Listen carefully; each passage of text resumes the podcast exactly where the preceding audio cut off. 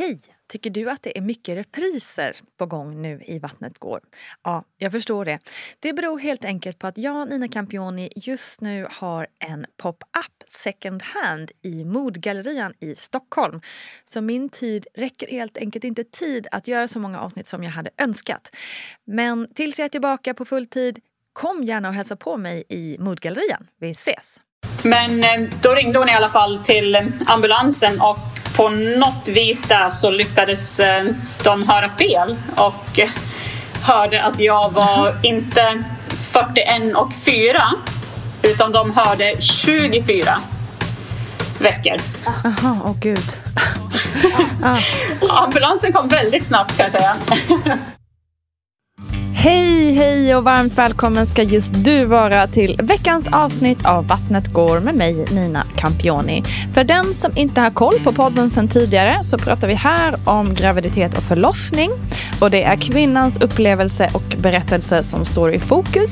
Men vi har också med oss barnmorskan Gudruna Abascal som ger en mer professionell och vetenskaplig förklaring på olika saker som vi stöter på under samtalens gång. I poddfiden får du också Barnet går där vi pratar om föräldrar föräldraskap och barns utveckling. Och så finns ju också VG-bloggen där jag berättar informativt om olika saker som berör graviditet, förlossning och tiden efter. Ja, det kan vara allt från amning till järnbrist och förlossningsställningar. Ett litet uppslagsverk i ljudform helt enkelt. Nu över till veckans gäst och vi ska resa hela vägen till Perth i Australien för att lyssna till Camilla Ljungberg. Camilla är flygvärdinna men hon driver också sina varumärken For Health Sake och Zed and Me där hon bland annat tillverkar barnkläder och badkläder. Missa inte det, otroligt fina grejer där måste jag säga. Nu ska vi jämföra Australien med Sverige. Vi ska prata om hemmaförlossning och framför allt ska vi fokusera på hemmaförlossning där det inte riktigt går som man har planerat. För vad händer då? Varsågod Camilla Ljungberg och Australien.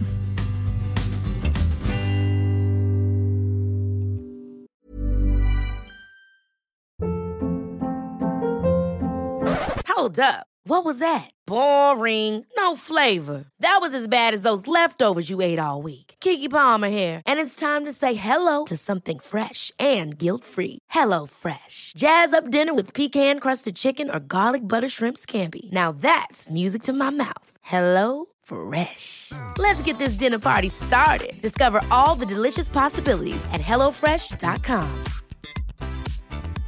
I'm Sandra, and I'm just the professional your small business was looking for. But you didn't hire me because you didn't use LinkedIn jobs. LinkedIn has professionals you can't find anywhere else, including those who aren't actively looking for a new job but might be open to the perfect role, like me.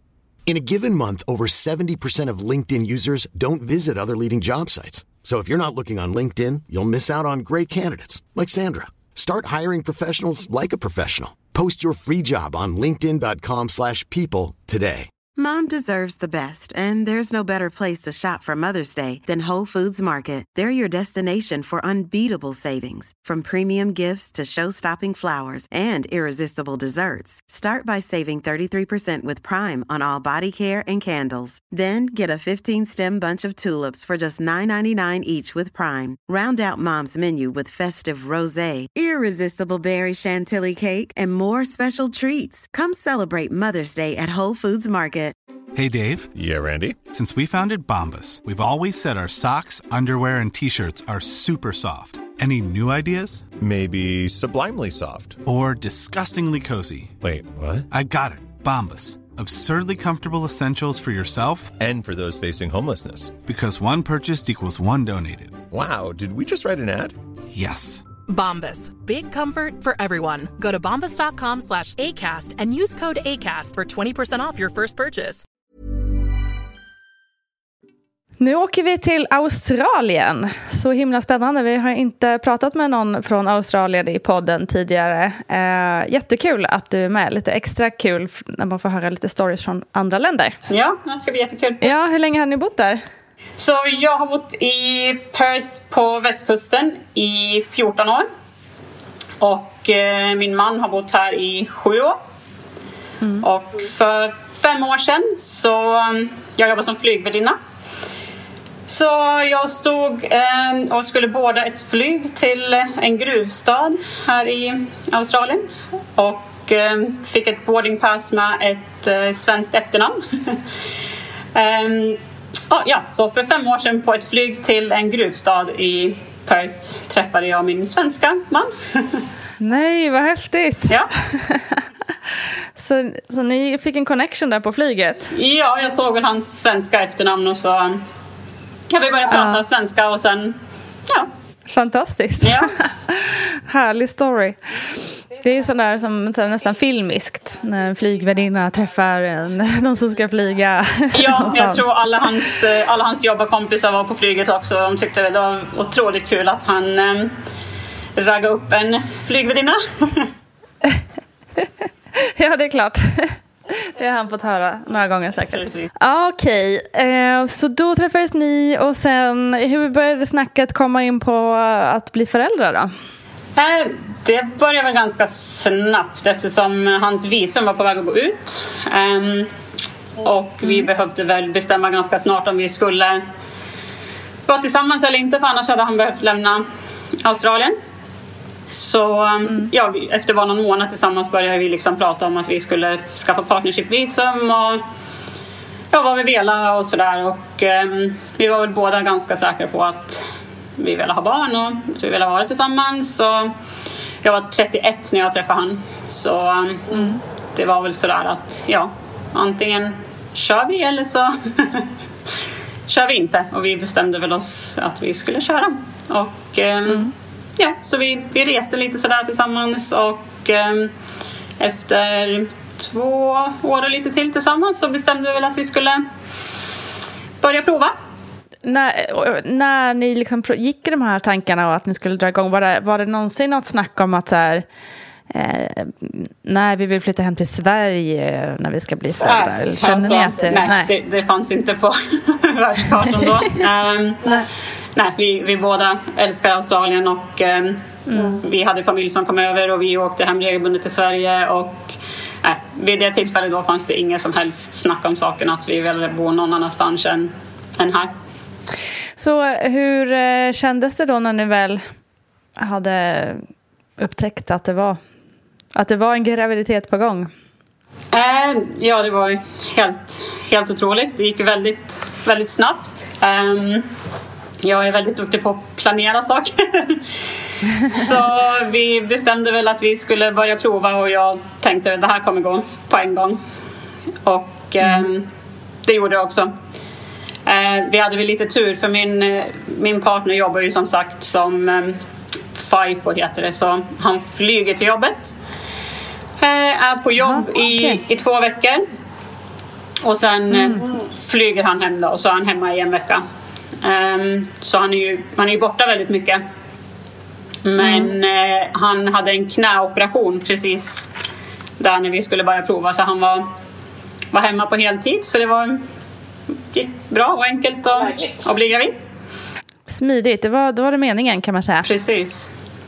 Och hur funkar det, alltså nu låter det precis som att Australien är något helt jätteknasigt land bara för att jag ställer sådana här knäppa frågor. Men jag gissar att man kissar på sticka precis på samma sätt som man gör här. Ja, ja och sen ja. Ehm, man, det finns ju många olika sätt man kan gå tillväga här. Man kan ju antingen föda på sjukhus, eh, public. Mm. Um, mm. Så kan man föda på privat sjukhus så kan man föda hemma med eh, privat midwife eller barnmorska. Mm.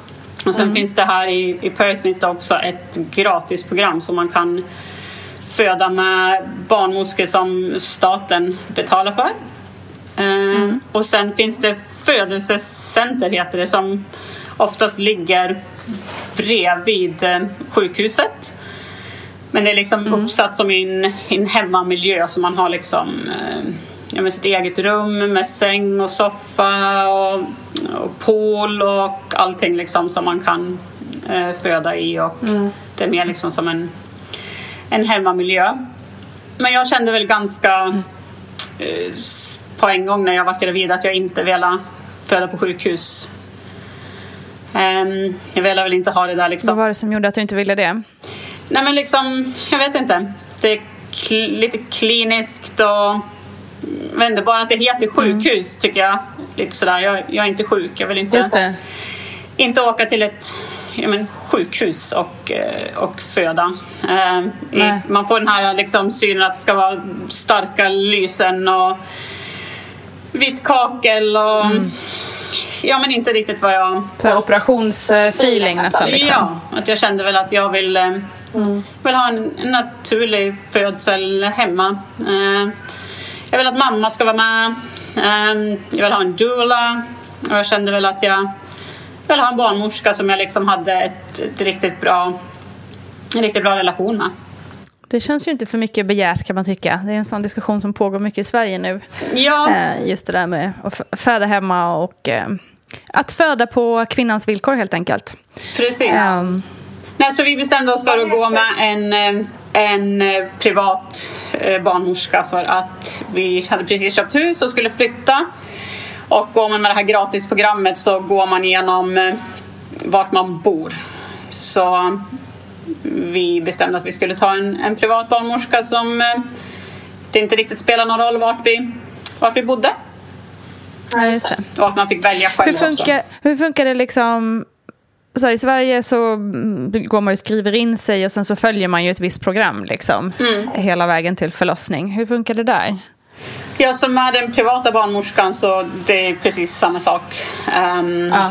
Det är bara att jag slapp ju åka någonstans. Hon, hon kommer ju hem till en. Hon kom alltid till dig? Det enda jag behövde göra gud, liksom, var ju mest för att göra ultraljud och sånt där så var man ju tvungen att, Mm. att åka någonstans. Men jag gjorde bara ett ultraljud så det, det var inte så svårt att ta sig till en appointment liksom. Allt annat, Nej, an, annat var vi här hemma och hon kom eh, hon var också, eh, hon är eh, lärarbarnmorska så hon frågade också ganska snart om hon kunde få ta en av sina favoritelever som en, som en studerande barnmorska. Om hon kunde få följa med på hela graviditeten och födseln. Så det sa jag ja till. Så jag fick en jätteunderbar eh, studerande barnmorska.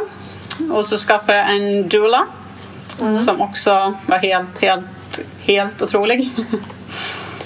Eh, så jag hade ett Du hade ett härligt team. Precis, jag hade ett riktigt eh, underbart team och många gånger träffades vi alla hemma här ute i solen och, och satt och snackade och hade det riktigt trevligt på våra appointments. Gud vad härligt det låter.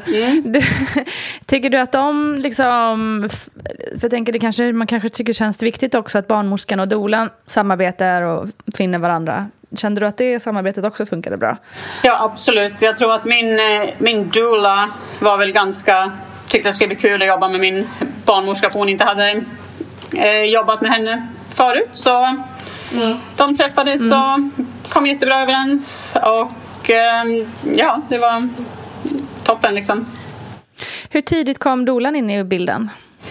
Du, Jag skaffade både min doula och min eh, barnmorska när jag var sex veckor gravid. Okej, så rätt tidigt ändå. ja. Så jag hade min, jag hade min första appointment med, med båda två. Eh, sex veckor gravid liksom. Så Ja. vi hann ju verkligen bygga upp en, eh, en relation med, med båda två under nästan nio månader.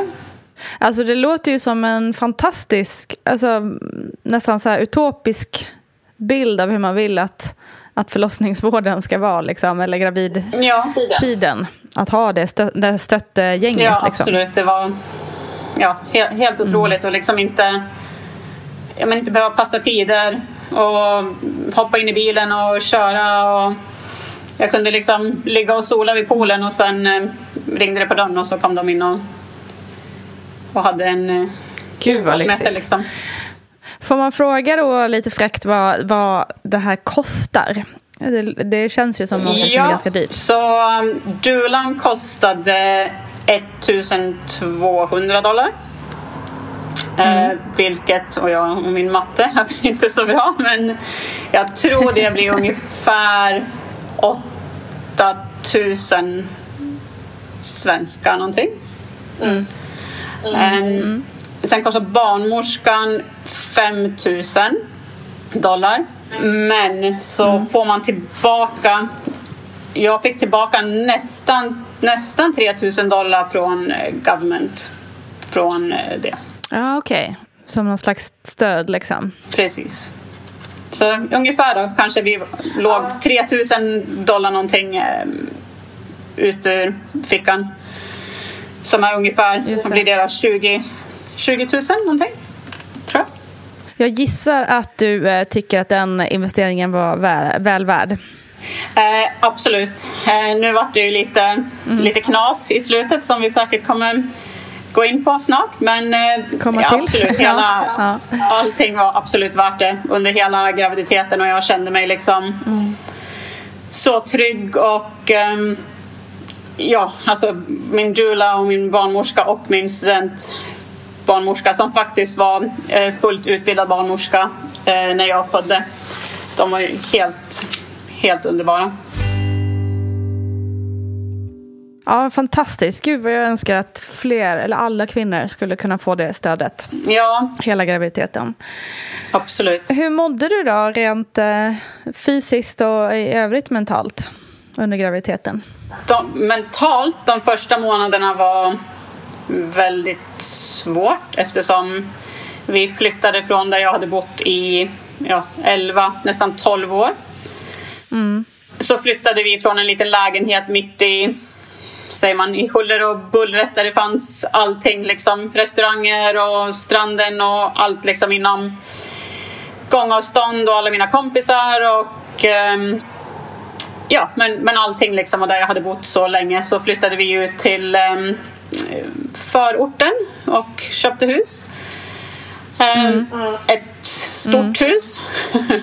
och min partner då var borta två veckor i taget. Um, så jag kände mig väl ganska, ganska rädd um, att vara ensam i ett sånt stort hus mm. först. Um, och, och ganska ensam. Så det var väl ganska tungt. Jag ringde nog och, grinade i telefon ganska många gånger och ville att han skulle komma hem. Ja. Men, uh, nej, men det, ja. det gick väl över um, efter första uh, trimestern. Liksom. och sen mådde jag väl lite illa i början mest när jag flög. När man liksom ska gå där och, och plocka upp tomma mm, ölburkar och eh, matrester och det guppar på flygplanet och sådär så mådde man väl lite illa ibland. Ja, men, men annars mådde jag bra. Jag, jag, tränar, ja, jag, jag tränar mycket. Um, åt bra. Vi åt väl um, keto, LCHF nästan hela min eh, graviditet. Så jag hade okay. mycket energi. Ehm, um, mm. Jag mådde ändå bra. Um, sen de fyra sista veckorna fick jag något konstigt eh, fenomen som inte de har kunnat förklara vad det var. Jag trodde jag fick halsfluss. Mm -hmm. um, jag fick sådär otroligt ont i halsmandeln. Jag kunde inte svälja. Och så vart jag väl nästan lite sjuk i kanske en dag kände jag mig liksom hängig. Um, men sen gick det upp i örat, på, bara på vänstersidan. Så jag hade ont i halsmandeln och örat i, ja, i fyra veckor där på slutet. Och det gick, in, det gick inte bort tills jag um, födde. Och de gjorde liksom tester. Det var inte halsfluss, det var inte någon öroninflammation. Det var, jag var fullt friskt. Um, mm. Men det gjorde var liksom, jag hade såna målande ont liksom i, i halsmanden och örat de sista Gud vad skumt. veckorna. Men jag var, ändå, jag var ändå frisk så det var liksom inte något... Ah. Ja, jag vet inte, jag vet inte var Inget det kom som ifrån. gjorde dig orolig? Nej, precis. Men du, jag tänker på, finns det, om man jämför Sverige och Australien, det, finns det några så rekommendationer? Du vet så här, vad man ska äta eller inte äta, eller dricka eller inte dricka, eller du vet, ibland skiljer det sig mellan länderna. Så där. Ja, alltså det är ganska, det är ganska komiskt här faktiskt, för till och med på, kollar du på TV så gör de till och med reklam liksom om att eh, ja, du ska ju inte dricka alkohol när du är gravid liksom. Eh, vilket man kanske mm. tycker är ganska självklart men tydligen är det kanske inte det Självklart, för alla här. För man, de är ju väldigt glada i att, att dricka i det här landet.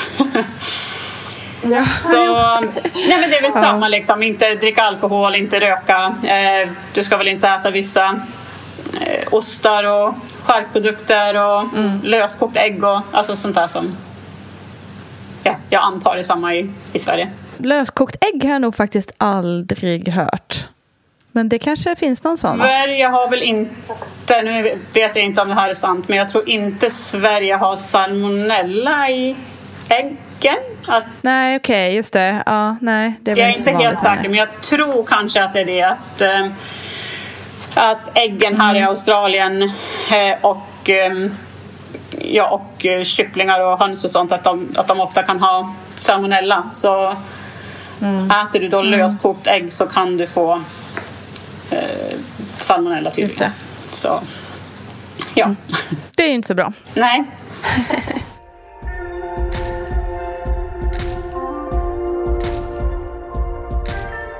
Men du, du hade ju då ett bra team runt dig för att förbereda dig för eh, eh, förlossningen. Hur gjorde du något annat för att förbereda dig eh, inför the big day så att säga? gjorde en kurs som heter Den heter Calm Birth. Så ah, calm lugn, birth, okej. lugn Mm, födsel. lugn födsel. Ja, just det. Så det är, det är typ hypnobirthing. Mm. Så det, det säger man på svenska också, hypno, hypnobirthing. Ja, Ja. ja, ja.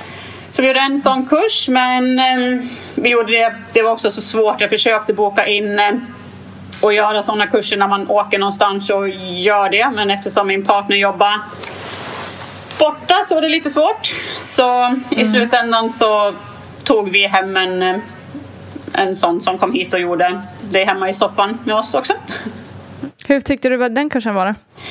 Eh, jag tror min, eh, min partner tyckte om den mer än vad jag gjorde. Okej. Han är väldigt mycket, han älskar sina andningsövningar och eh, meditation och sånt där. Så han tror han nästan somnade när vi satt och gjorde andningsövningarna. Nej men den var, den var jättebra. Ehm, sen lyssnade jag väl på de eh, hypnobirthing eh, tracksen på kvällarna när jag gick och la mig och, och sådär. Så man, man försökte lära sig. Men jag är inte så eh, lika bra på meditation och andning som han är. Men jag försökte i alla fall. Ja, nej men det är inte så. Jag tycker också det är ganska svårt med meditation. Det, det krävs... Ja, jag vet inte om det, om det bara krävs övning eller om det bara inte är för alla. Jag vet inte. Jag, har vet inte, men jag har till väldigt mycket energi och jag har väl svårt att sitta still i liksom tio minuter. Så Mm. det kanske har något med det att göra. Och min eh, Mm. partner är ju lugnet själv. Han är liksom han är en väldigt, väldigt lugn person. Så ja, det kanske är liksom lite med personligheten att, att göra. Mm, just det. Hur började själva förlossningen då? Hur förstod du att det var något på gång? Eh, ja, så jag har ju alltid funderat liksom, men hur vet man om, du, om, det ska, om det verkligen är det som händer liksom. Ehm, Men jag var 41 veckor och fyra dagar gravid. Och hade inte känt av någonting. Eh, min mamma var ju här. Så på måndagen när jag var 41 och 3 åkte vi, det var min, eh, min partners födelsedag. Så eh, vi hade en jättehärlig dag på stranden. Ehm, ja, jag och mamma gick mycket på stranden och badade och hade det bra. Och eh, tog lite kort på magen. Eh, och jag kommer ihåg att jag sa liksom, men vad håller hon på med? Hon, är liksom, hon rör sig så mycket idag. Det kändes liksom som att hon totalt eh, gjorde kullerbyttor i magen på mig. Och vi kom hem och åt middag. Eh, gick och la oss vid klockan tio. Och eh, min eh, man somnade typ direkt. Men eh, jag kunde inte somna för någon anledning. Men jag kände liksom ingenting. Och sen eh, ungefär precis midnatt så fick jag min första verk. Och det var verkligen liksom pang bom liksom. Det, det började rejält på en gång. Och jag hade väl, eh, jag tror jag hade en och en halv minut genom verkarna och de varade väl i sådär 30 till 40 eh, sekunder Ja, okej. direkt. Och det var Direkt, liksom. så intensivt. Wow. Eh, Men jag tänkte jag ska försöka låta han sova lite i alla fall. jag gick väl på toa där och jag blev av med min, eh, min slempropp. Och eh, ja, det började kännas eh, riktigt intensivt. Så klockan två väckte jag han. Och sa liksom att ja, nu, nu händer det grejer. Ehm, Ja. så bestämde vi oss för att vi ville ha sex en sista gång som bara Ja. vi två. Så um, Ja. vi, hade, vi hade sex. Och eh, direkt efter det så um, eh, började jag spy och eh, bajsa så att det stod härliga till. Vilken härlig reaktion på sexet. Ja, precis. så då gick jag in och satte mig på toan, satt på min, eh, jag vet inte om man säger så på svenska, men tensmaskin. Ja, just det. Mm. Så jag satt på, eller ja, Zack satt Det på. heter samma, tens. Mm. Ja, han satt på den på min rygg och eh, så man kunde boosta liksom när jag fick eh, verkar. Och den läser ju även av verkarna och jag hade ju cirka en och en halv minut mellan verkarna. Och kräktes och kräktes och kräktes och um, bajsa och bajsa och bajsa.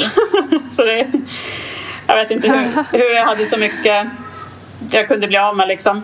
Nej, då var du helt tömd sen. Precis. Och jag, jag förstår inte, jag fortsatt kräkas efter jag hade fött också. Jag vet inte vart, vart allt kom ifrån. Tyckte du att eh, tensmaskinen hjälpte? Åh, åh, jag, tror, jag tror jag grät när jag fick ta av den. Det var ja, det bästa som finns. Den var liksom... Ja, det var så skönt. Var så. härligt. Att, och speciellt det där när man kunde verkligen trycka på boost när man fick en, en verk. Det var ju det bästa. Den hjälpte nog. Jag tycker liksom det är något de borde rekommendera till alla. Ja, häftigt. Så um, klockan fyra ringde vi till um, våran doula. Och eh, hon hörde mig i bakgrunden. Och eh, i princip sa det här kommer gå snabbt. Eh, jag kommer nu. Slängde sig i bilen och ehm, körde hit. Hon har väl ungefär 45 minuter att köra. Eh, men hon kom snabbt. och eh, kom in och, och tittade på mig och ehm, sa i princip det här, det här kommer gå snabbt Camilla. Du, eh, du visar liksom eh, alla stadier på att du är i, i aktiv labor liksom. Ja. Så hon ringde min barnmorska direkt. Och eh, de kom väl också väldigt snabbt då. Tog väl kanske bara ja, men cirka en halvtimme, 45 minuter för dem att, att komma också. Ja, wow. Ehm, Så de kom klockan sex. Ehm, och jag satt fortfarande på, på toan med min tensmaskin. Och ehm, då bestämde de sig för att väcka min mamma. Och ehm, gick in och väckte mamma och hon liksom kom ut och ah, vad, vadå händer det? Är Du, ska, ska du föda nu liksom? Hur i hela världen har du kunnat sovit igenom det här liksom? Jag har låtit som en stucken gris. Och eh, spytt och jag vet inte hur många gånger vi spolade toaletten och nej, hon, hon sov helt eh, lugnt där så det var ju bra. Hon fick en, en bra natts sömn. Ja, det var ju skönt för henne. Ja.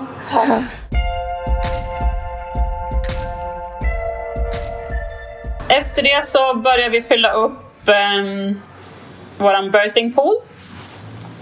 Och fyllde upp den med vatten.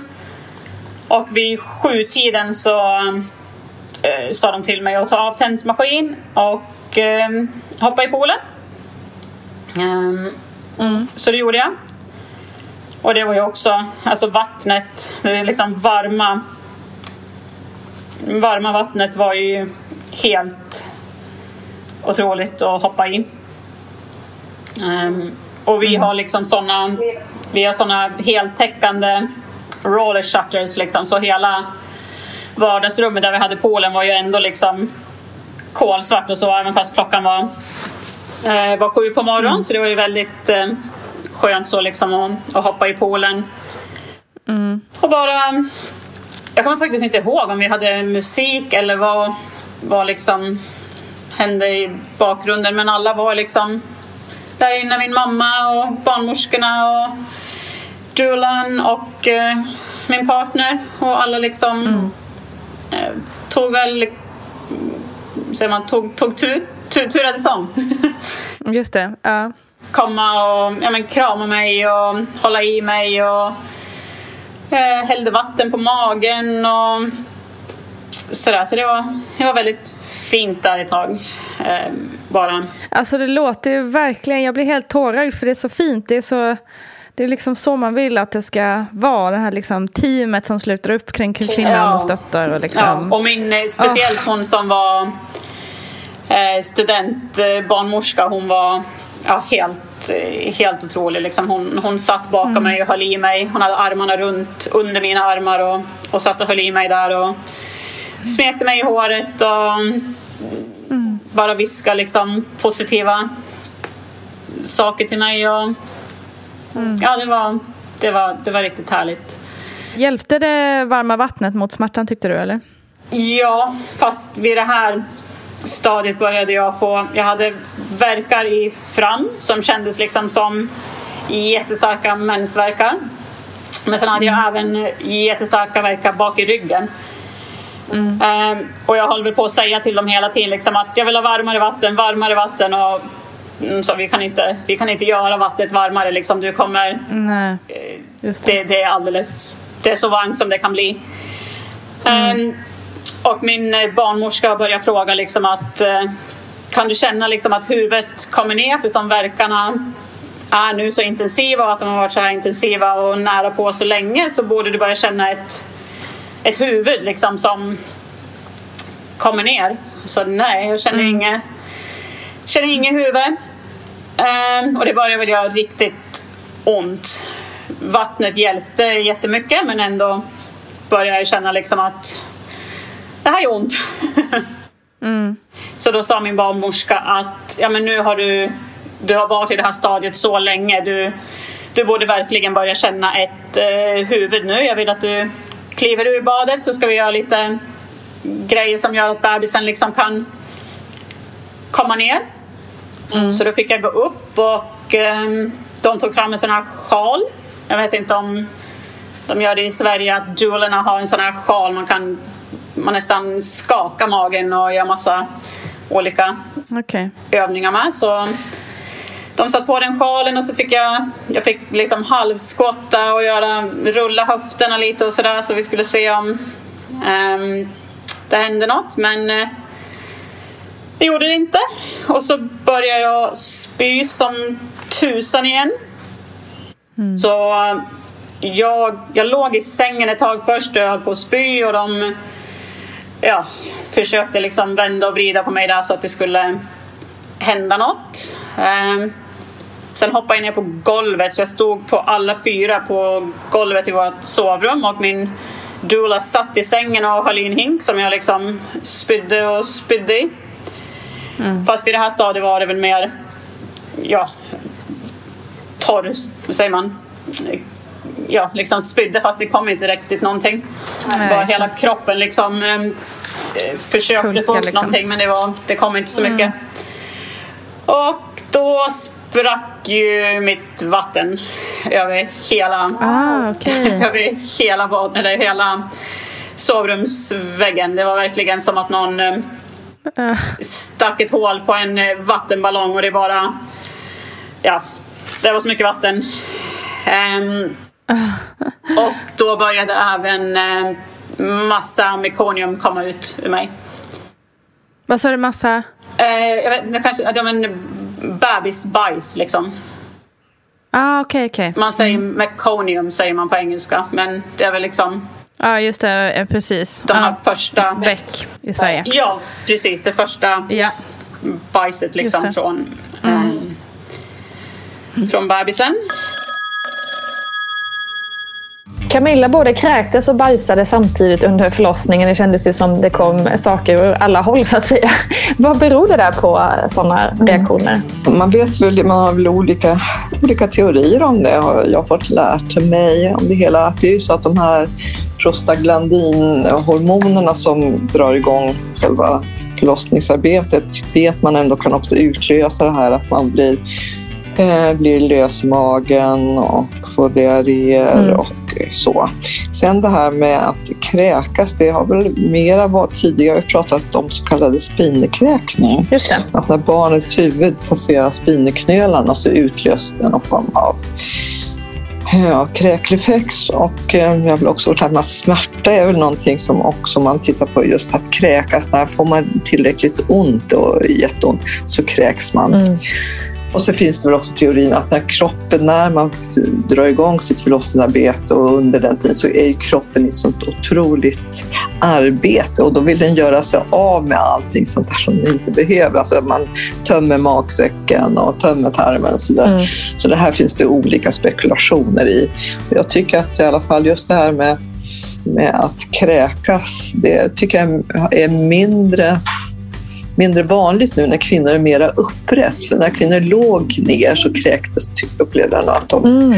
att de kräktes mer. Och fick de morfin under förlossningsarbetet så det är också sånt där som man, morfin gör att man kräks lättare. Mm. Så det, det, finns massa olika tankar kring det där och det ena förskjuter inte det andra utan det kan ju vara en kombination av alltihopa. Och sen det här med att bajsa på sig också. Det är ju inte så ovanligt att man har mycket kvar i tarmen när barn, man ska krysta ut barnet. Man, det är det som hon pratar om också. Men, men så, annars så tror man just det här att, att få diarré och bajsa mycket kan utlösas av prostaglandiner. Det här är mer teorier än vad det finns någon riktig evidens för. Om man säger så. Just det.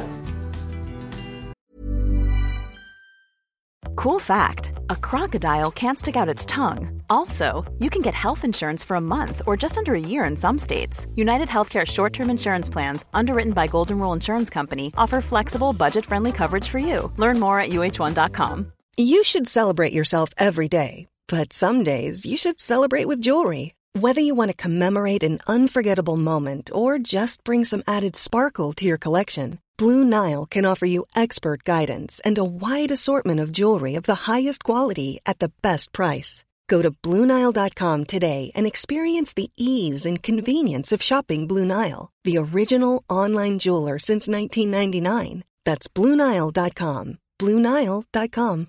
Hi, I'm Daniel, founder of Pretty Litter. Cats and cat owners deserve better than any old fashioned litter. That's why I teamed up with scientists and veterinarians to create Pretty Litter. Its innovative crystal formula has superior odor control and weighs up to 80% less than clay litter. Pretty Litter even monitors health by changing colors to help detect early signs of potential illness. It's the world's smartest kitty litter. Go to prettylitter.com and use code ACAST for 20% off your first order and a free cat toy. Terms and conditions apply. See site for details. Life is full of what ifs, some awesome, like what if AI could fold your laundry? And some, well, less awesome, like what if you have unexpected medical costs? United Healthcare can help get you covered with Health Protector Guard fixed indemnity insurance plans. They supplement your primary plan to help you manage out of pocket costs. No deductibles, no enrollment periods, and especially no more what ifs. Visit uh1.com to find the Health Protector Guard plan for you. Hold up. What was that? Boring. No flavor. That was as bad as those leftovers you ate all week. Kiki Palmer here, and it's time to say hello to something fresh and guilt-free. Hello Fresh. Jazz up dinner with pecan-crusted chicken or garlic butter shrimp scampi. Now that's music to my mouth. Hello Fresh. Let's get this dinner party started. Discover all the delicious possibilities at hellofresh.com.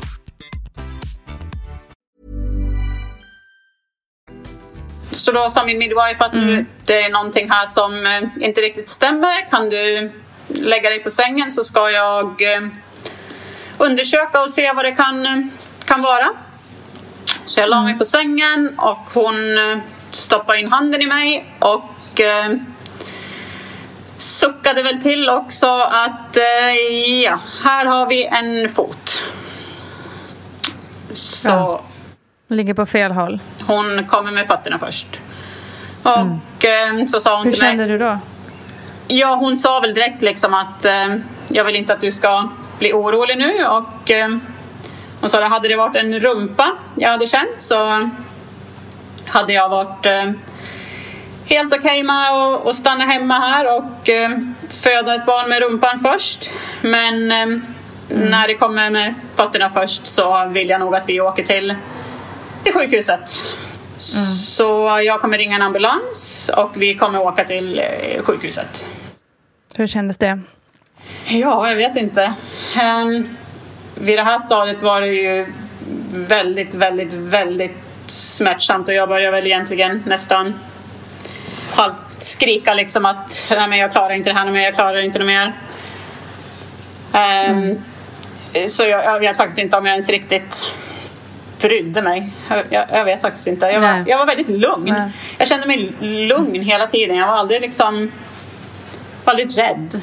Um, mm. Jag tror ju min partner och mamma var, var mer rädd än vad, vad jag kände mig då. Mm. För hon lyssnade ju på hjärtslaget hela tiden på, på bebisen och, um, och sa liksom att hjärtslagen är jättebra. Hon är inte i någon slags um, stress. Uh, hon mår bra och sådär. Så. Men uh, då ringde hon i alla fall till ambulansen och på något vis där så lyckades uh, de höra fel och hörde att jag var inte 41 och 4 utan de hörde 24 veckor. Jaha, åh oh gud. Så ah. ambulansen kom väldigt snabbt kan jag säga. och liksom det var skönt, eh, jo, eh, sprang in och var liksom helt eh, uppspelta och eh, vi måste åka nu liksom. Hon är 24 veckor gravid. Det här är ja. Uh. sa bara, men ni ser väl på min mage att jag inte är 24 veckor gravid. Jag är, jag är nästan 42 veckor gravid och uh, jättestor och uh. det är lugnt liksom. Så då, ja, då lugnade de ner sig lite i alla fall.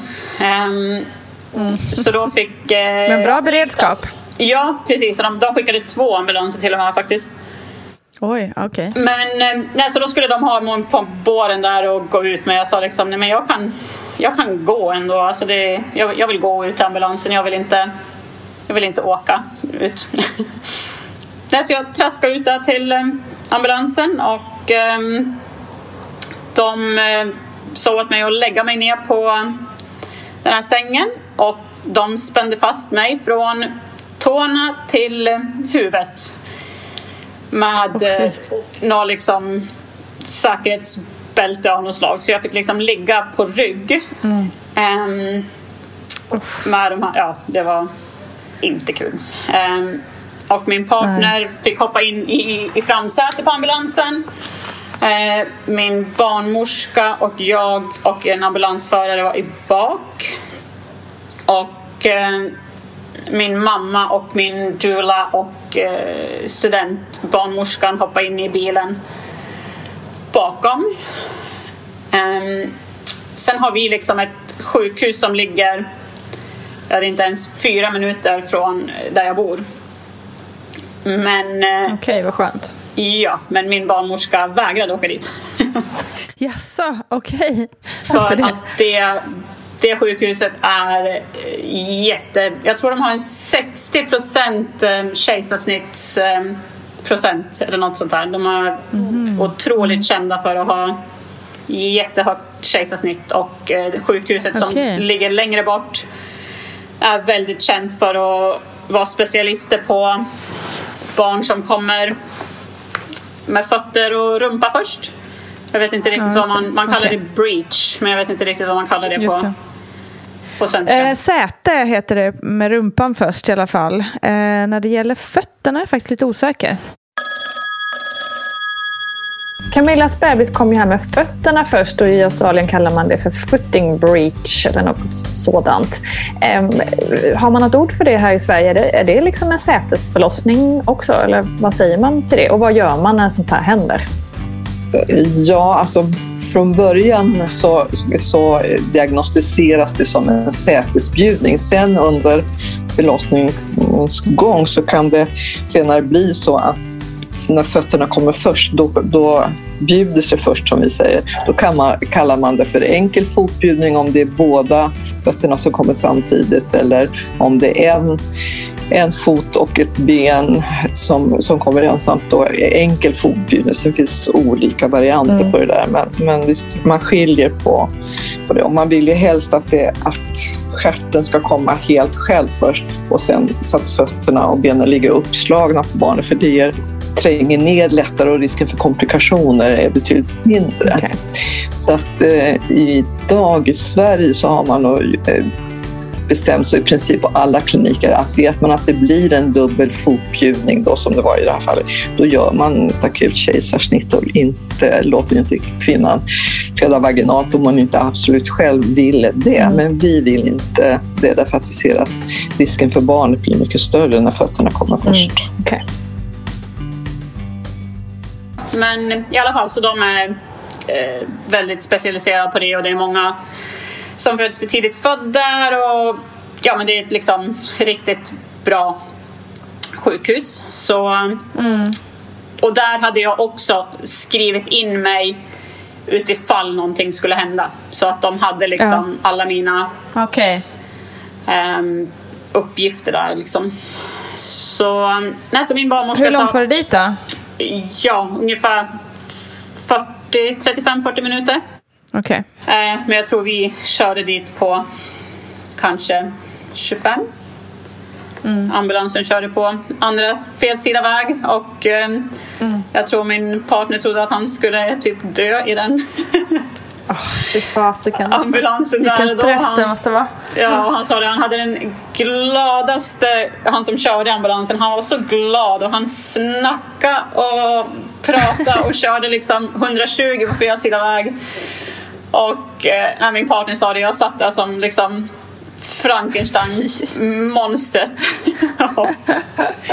Man bara, sluta prata, bara kör, håll fokus ja. på vägen. Så Nej, och den där ambulansfärden var ju väldigt, väldigt, väldigt obekväm för mig. Um, ja, det förstår jag. Det gjorde ju otroligt ont.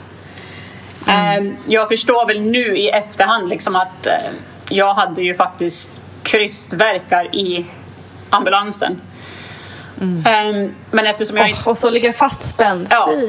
Och sen eftersom inte jag hade något huvud liksom där som kan förklara att det här är krystningsverkar så förstod väl inte jag att det var krystverkar och eh, ja, det var liksom ja, helt så sjukt obekvämt. Och jag vet, halvvägs där efter någon verk så kände jag liksom att hela min kropp bara varit stel och jag fick så ont i nacken mm. så jag sa till min eh, barnmorska nu får du knäppa upp översta så jag kan lyfta på mig och knäcka nacken. så. Mm. Ja. Hon, hon knäppte upp översta bältet så fick jag liksom, jag satt mig upp och och gjorde en rejäl knäckning av min nacke och de liksom kollade på mig som att jag var helt galen. eh, nej men så i alla fall så vi kom ju fram till sjukhuset. Jag tror klockan var 12. Så mm. hade väl haft eh, verkar i ganska precis 12 timmar. Kom in till sjukhuset och de rullade in mig och jag skrek. Skrek nog liksom ner hela sjukhuset. För det gjorde liksom...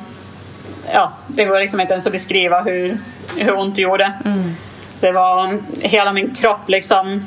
Jag var som en pinne och hela min kropp bara...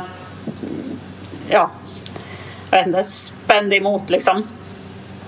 Mm. Um, när så vi kom in där på ett rum och eh, jag vet inte, ingen tänkte liksom ens på jag vet inte, det var nästan som att det var lite panik när vi kom in där. Det var ingen liksom som ens tänkte på att kolla liksom mig hur, hur långt gången jag var eller någonting. Aha, okay. Så de tryckte liksom direkt på den här röda emergency-knappen liksom och akut mm. kejsarsnitt. Mm. Tog in en sån läkare som skulle sätta en epidural på mig så jag skulle kunna mm. göra kejsarsnitt. Um, så de kom in där och sa åt mig liksom att nu vill du sitta helt still. Så det, jaha, ja, ja. Hur, hur gör man det liksom? Men Jag tänkte bara nu, nu måste jag bara göra det här för nu annars eh, kommer de söva mig. Så sitter inte jag helt still så kommer de söva mig och jag kommer inte få vara vaken när mitt, mitt barn kommer liksom. Så jag satt mig med mina armar runt min partners um, hals. Så jag satt liksom på sängkanten, hade armarna runt hans hals och han hade en kudde emellan. Och så kom läkaren in och sa men nu får du sitta helt still så ska vi sätta in nålen i ryggen här. Och för någon anledning tog min partner bort kudden då. Och kollade ner och sa lite försiktigt ursäkta, det sticker ut en fot här. Nej. Nej men gud, är det Eh, sant? Och jag hade väl egentligen känt det här. Alltså jag kände att det var något som liksom nästan killade Åh, mig mellan herregud. benen.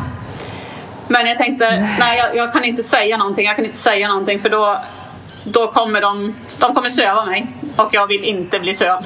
Ah. så nej, så då kom läkaren och tittade och sa det, ja men du här, här hänger det en fot. Ehm, du får lägga dig på rygg så, så pusha ut det här barnet. Ehm, så de slängde upp Wow. benen i såna där uh, bygelgrejer.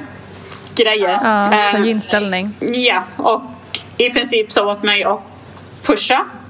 Så jag pushade och hennes kropp kom väl lite halvt flygande ut. Så när kroppen hade kommit ut så satt väl huvudet fast. Så, och jag har kollat på det här på min, jag, vi filmade ju det här fast de var inte speciellt glada över att vi att vi filmar så har jag sett på filmen efteråt att i, i cirka fyra minuter så håller de henne liksom i fötterna och vrider och vänder på henne och liksom på något sätt Oh. försöker få ut henne. Ehm, och medan de gör det här så är det en barnmorska som, alltså det här är helt, är nästan pinsamt att säga, men hon har en sån här grej som man kan lyssna på hjärtljudet på min mage. Och hon hör Mm. inget hjärtljud. Eh, men det är kanske för att Zeldas kropp var inte ens i min mage längre. Kroppen är inte kvar. Kroppen var liksom inte i min mage, den var utanför. Åh gud, man måste ju varit helt chockad själv typ och liksom förvirrad i... Och vid det här tillfället så kollar jag upp också och då är det liksom, jag tror det är 20 personer inne i rummet liksom och eh, ja, det var bara helt sjukt. Men i alla fall då så sa hon att eh, vi får inte ut huvudet, eh, vi måste klippa upp dig. Och det hade väl jag skrivit att jag inte ville bli klippt i min, min birth plan. Men eh, de sa det ska hon komma ut så, så lär vi klippa dig. Så. Eh, de klippte mig och då kom hon väl ut ganska snabbt. Eh, Okej. i, I hela allt så jag pushade fyra gånger. Och det tog åtta minuter för henne att komma ut. Så det gick ändå väldigt, väldigt snabbt. Ehm, så när hon kom ut så försökte jag säga liksom att, som jag också hade i min, eh, min plan, liksom att eh, jag skulle vänta minst en timme liksom och klippa navelsträngen. Ehm, men det, det gick inte de med på. För hon, hon andades väl inte så bra och de eh, Nej, sa okej. att de, de var tvungna att suga henne, liksom, suga ur allt, ehm, eh, allt det bajset hon hade svalt. Men det, det hade de ju, alltså det skulle de ju kunna ha gjort med henne på mig och navelsträngen fortfarande intakt. Men nej, de, de klippte navelsträngen, eh, tog henne och började jobba på henne på sidan om. Samtidigt som de tog sig friheten och eh, sticka in spruta i mitt ben. Så jag skulle föda moderkakan. Vilket jag Okej. också inte ville. Jag ville föda moderkakan naturligt. Men vad var det för spruta då?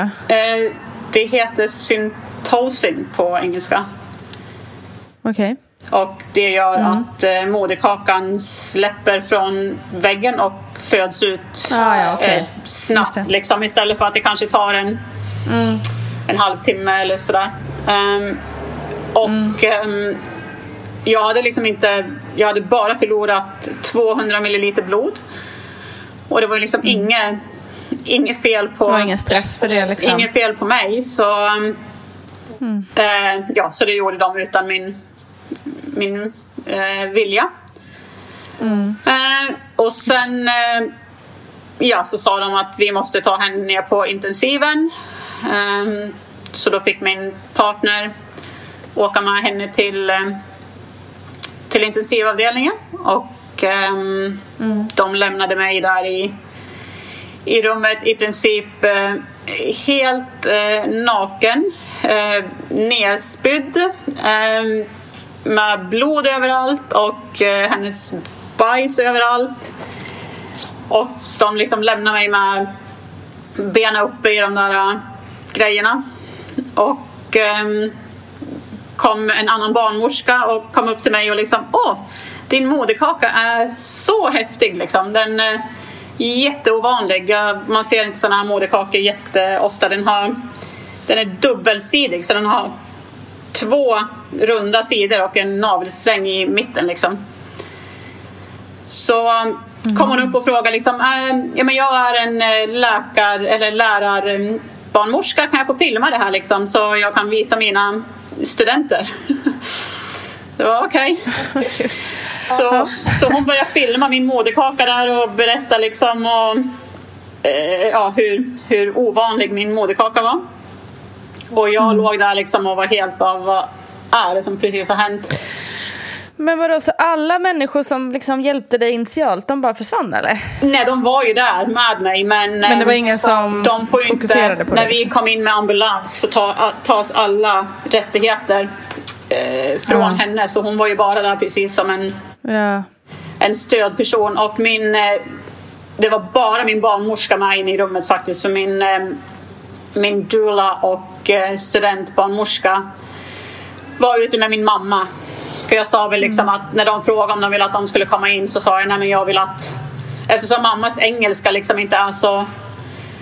jättebra så kände jag liksom att nej jag vill ändå att mamma ska ha någon ute i väntrummet med henne som hon eh, vet vem de är liksom. Mm. Så de, de stannade där ute i, i väntrummet med henne. Nej men så precis efter allt det här och så började de eh, de gav mig lokalbedövning mellan benen Mm. Och började sy ihop där de hade klippt mig liksom. Eh, och jag började eh, skaka. Liksom helt, helt okontrollerat. Liksom. Jag bara skaka och skaka och skaka. Jag kunde liksom inte nästan ligga kvar med benen i, uppe. Liksom. De fick lägga ner mig och jag ja, bara liksom helt, hela min kropp och skaka. Så då körde de iväg mig till ett annat rum. Och Eh, då fick eh, min partner och min doula komma in dit för då hade de tagit ner Zelda till eh, intensiven så hon var där. Och jag låg och skakade och skakade. Och de försökte eh, övertyga mig om att sätta in en kateter på mig. Uh, sorry. det kan ni glömma. Jag ska inte ha någon kateter insatt i mig. Mm -hmm. uh, och så började jag spy igen. Och uh, jag fontänspydde över hela min doula. Hon var helt, ja. helt täckt i, i spyor och eh, till och med min eh, partner var för man såg att han började få lite kvällningar där för att jag verkligen bara ja, ja, det var liksom total, eh, ja nästan liksom så förnedrande det kan bli. Liksom jag hade mm. bajs och blod och, och spyor och jag vet inte allting på mig som man bara kunde tänka sig. Mm. Eh, men sen slutade jag väl skaka där efter ett tag och eh, fick kliva upp och eh, duscha. Jag gick in och duscha. Och sen fick jag åka ner på, um, okay. på intensiven och träffa Zelda. Mm. Och Hur var det då?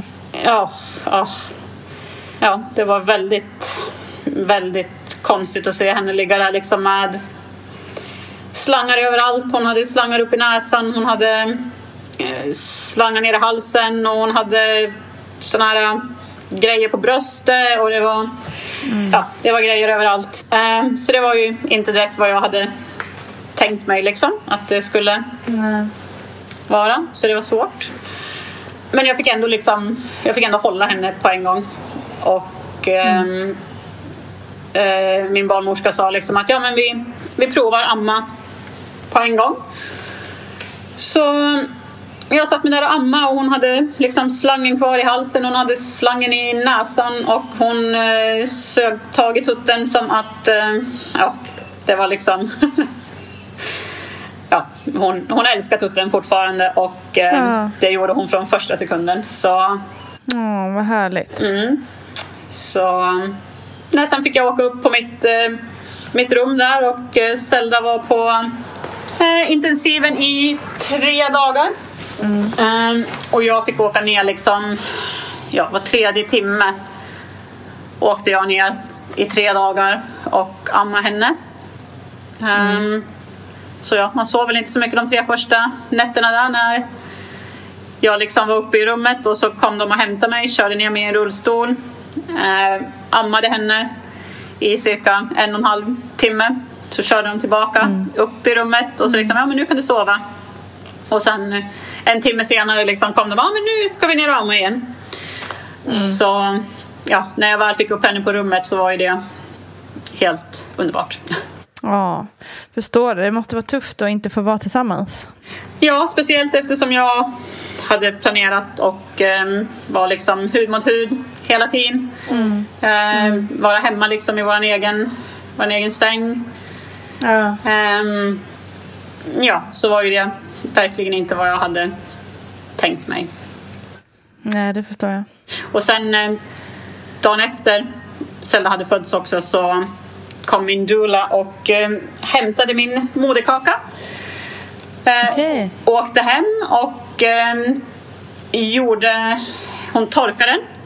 Och sen eh, gjorde hon tabletter av min moderkaka. Just det. Och ja. sen, eh, sen åt jag min moderkaka. ja, vad det?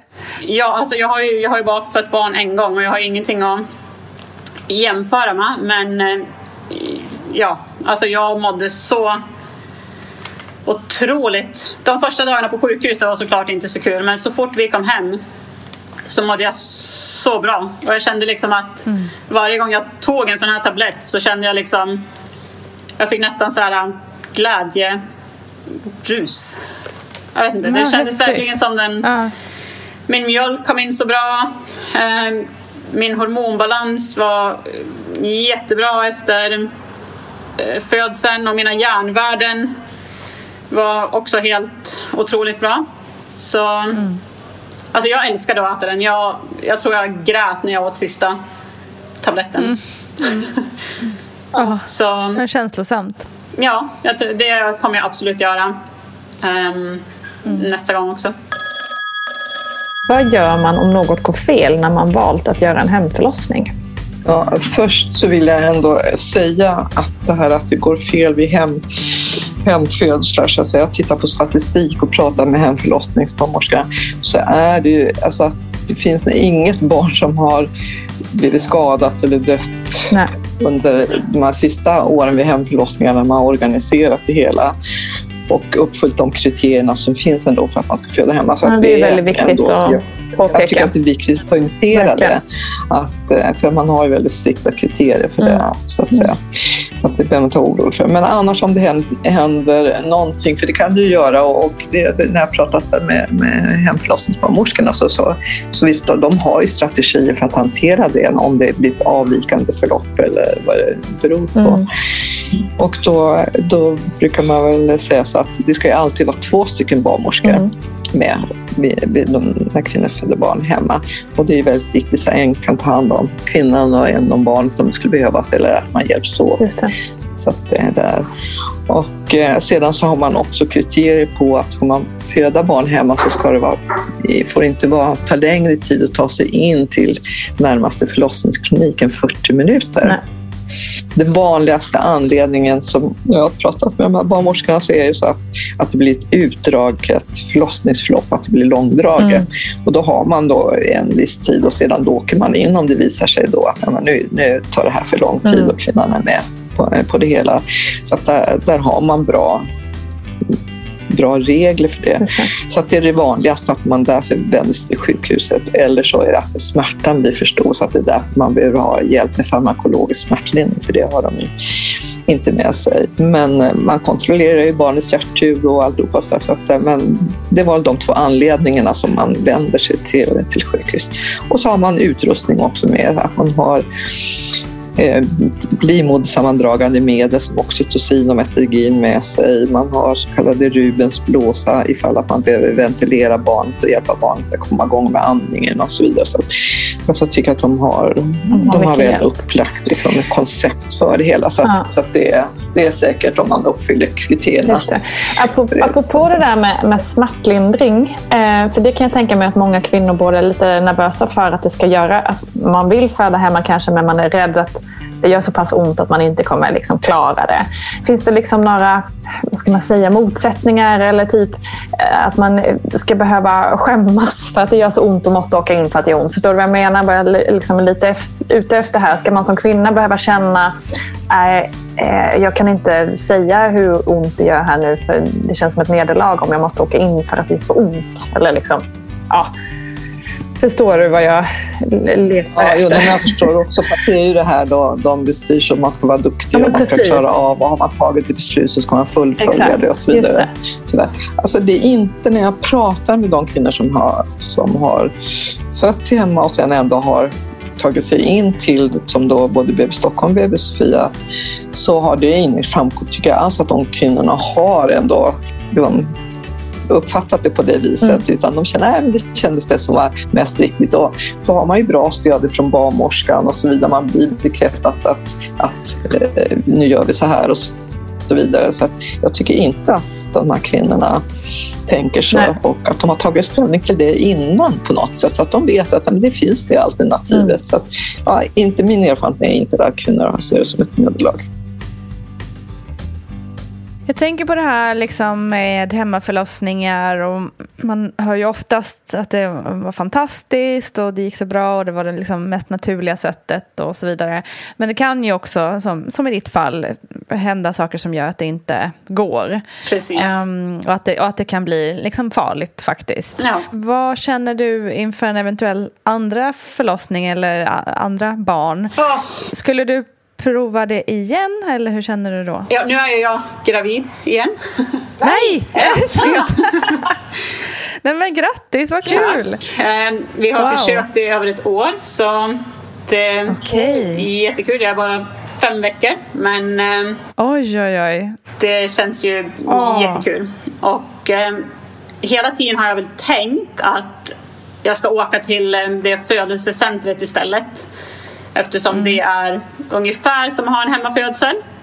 Men mm. att du är liksom precis där sjukhuset är.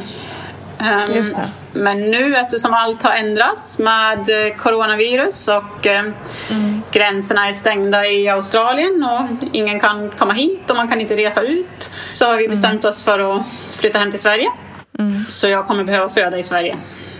Um, och jag vet inte jag har liksom pratat med mina syskon och de säger liksom att um, på sjukhusen nu hemma på grund av coronavirus så får du liksom bara ha en stödperson. Mm. Eh, och man kan inte komma och gå som man vill. Och jag har väl känt så här att jag menar jag har aldrig, jag har aldrig lämnat Zelda med någon annan än, äh, än min partner ja, är väldigt eh, anknytningsföräldraskap heter det tydligen på ja, svenska. Så, ja. eh, jag är ju med Zelda väldigt mycket. Jag, jag ammar mm. väldigt mycket. Eh, hon går inte på dagis och ja, jag lämnar som sagt henne inte med någon. Eh, mm. Vi samsover. Eh, Zelda har väl aldrig sovit förutom i min famn. Liksom. Hon ligger och skedar mig på nätterna. Mm. Så för mig att åka iväg till ett sjukhus i Sverige under coronatid när man inte kan ha ett sånt här otroligt team. Um, mm. Jag vet liksom inte hur. Bara tanken på att jag skulle komma in på sjukhuset och inte få se Zelda på 24 timmar liksom, det, det, det finns inte för mig. Um, mm. Så nu lär man väl kanske förhoppningsvis när november kommer som blir när jag ska föda att eh, corona kanske inte ser lika tokigt ut. Eh, men jag vet liksom inte. Jag vet inte heller, jag har inte börjat kolla så mycket eftersom jag i princip fick reda på att jag var gravid förra veckan. Eh, och vi har provat i ett år så jag har liksom inte vetat hur lång tid det ska ta för mig att bli gravid. Så jag visste liksom inte ens, kommer jag ens bli gravid? Ehm, nej, så jag, jag, jag vet faktiskt inte riktigt hur jag ska, hur jag ska göra nu. Jag vill börja kolla in lite på vad det finns för alternativ i Sverige. Och sådär. Jag vet liksom inte ens hur vi kommer bo. Ehm, nu ska min partner få en förflyttning med sitt jobb. Och det kommer ju då vara i Stockholm som inte är någon av våras... Eh, min partner är från Helsingborg och jag är från Gävle. Så vi kanske kommer bo i Stockholm. Och jag vet liksom inte, jag har ingen aning. Om inte de fixar boende åt oss så vet jag liksom inte. Man kanske kommer bo i en skokartong någonstans liksom. Jag vet inte hur vi kommer bo. Så... Nej, det är svårt att planera när man inte Precis. vet någonting alls egentligen. Jag Så, ja, så det får bli lite sådär. Jag får väl försöka börja läsa på lite och se vad, som, vad det finns för alternativ i, i Sverige helt enkelt. Mm, just det. Åh, jösses. Ja. Det, vilken, vilken historia alltså. Wow. Men ser du tillbaka på den som liksom något skräckfyllt eller hur ser du på förlossningen nu då? Um, alltså, inte, inte något skräckfyllt. Jag ser väl mer tillbaka på det som att, att det var helt galet liksom, hur, det, hur det blev. Och att, eh, alltså, en av anledningarna till att jag vill göra hemmafödsel är väl att jag inte riktigt har, har tro på allt medicinska sjukhusmiljön. Liksom.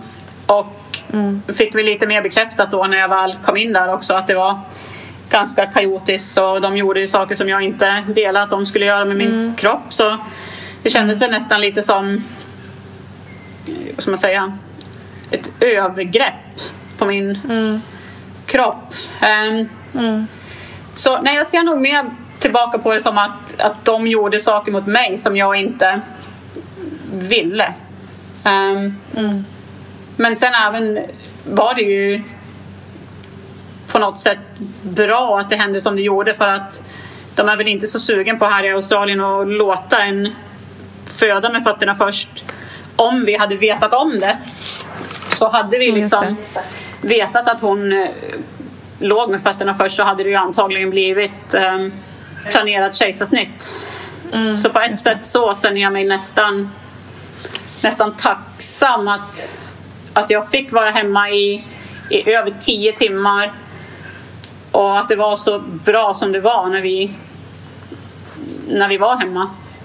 Och sen vart det kaotiskt när vi kom till sjukhuset men att, eh, ja, att hon ändå kom ut naturligt känns att jag, är, att jag är glad för det. Att jag födde henne med fötterna först, helt naturligt och eh, det vart inget kejsarsnitt. Nej.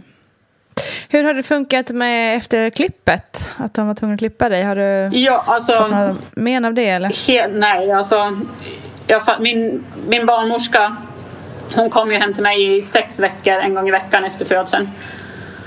Och eh, jag tror att efter sex, ja, sex eller sju dagar efter jag hade fött så kom hon hem och, och kollade liksom i, på stygnen och allting och hon sa det liksom att ja, det syns inte ens att du har fött barn liksom för en vecka sedan. Alltså allt ser så bra ut. Stygnen hade läkt så bra.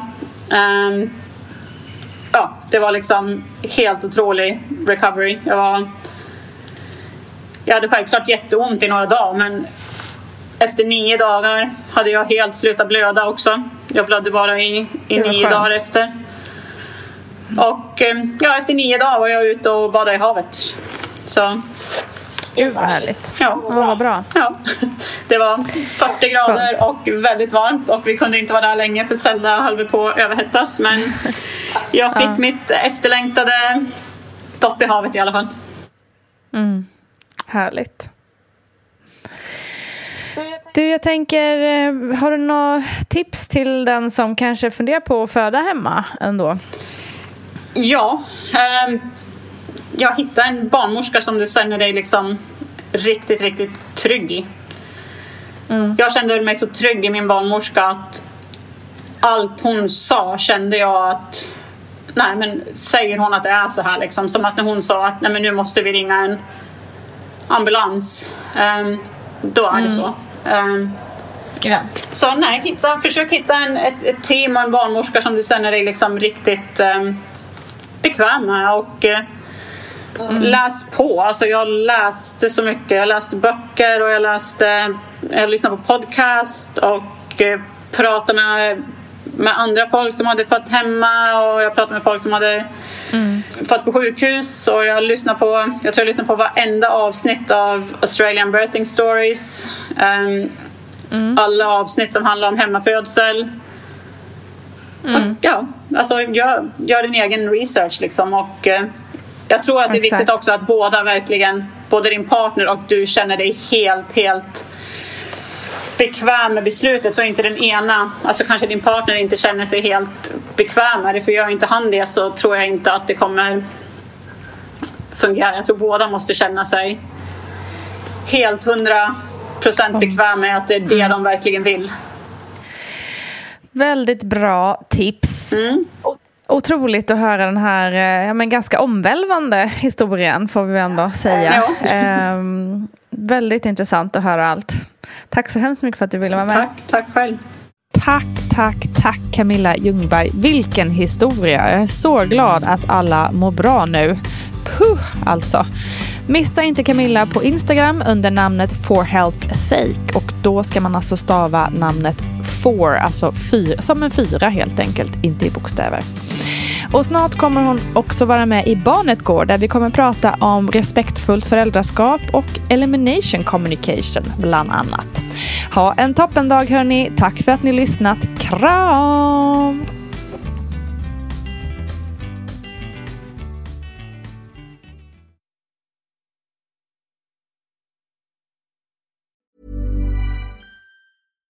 Hi, I'm Daniel, founder of Pretty Litter. Cats and cat owners deserve better than any old fashioned litter. That's why I teamed up with scientists and veterinarians to create Pretty Litter. Its innovative crystal formula has superior odor control and weighs up to 80% less than clay litter. Pretty Litter even monitors health by changing colors to help detect early signs of potential illness. It's the world's smartest kitty litter. Go to prettylitter.com and use code ACAST for 20% off your first order and a free cat toy. Terms and conditions apply. See site for details. Hold up. What was that? Boring. No flavor. That was as bad as those leftovers you ate all week. Kiki Palmer here, and it's time to say hello to something fresh and guilt-free. Hello Fresh. Jazz up dinner with pecan-crusted chicken or garlic butter shrimp scampi. Now that's music to my mouth. Hello Fresh. Let's get this dinner party started. Discover all the delicious possibilities at hellofresh.com. Imagine the softest sheets you've ever felt. Now imagine them getting even softer over time. That's what you'll feel with Bowl and Branch's organic cotton sheets. In a recent customer survey, 96% replied that Bowl and Branch sheets get softer with every wash. Start getting your best night's sleep in these sheets that get softer and softer for years to come. Try their sheets with a 30-night guarantee. Plus, get 15% off your first order at bowlandbranch.com. Code BUTTERY. Exclusions apply. See site for details. Even when we're on a budget, we still deserve nice things. Quince is a place to scoop up stunning high-end goods for 50 to 80% less than similar brands. They have buttery soft cashmere sweaters starting at $50, luxurious Italian leather bags, and so much more. Plus, Quince only works with factories that use safe, ethical, and responsible manufacturing. Get the high-end goods you'll love without the high price tag with Quince. Go to quince.com slash style for free shipping and 365-day returns.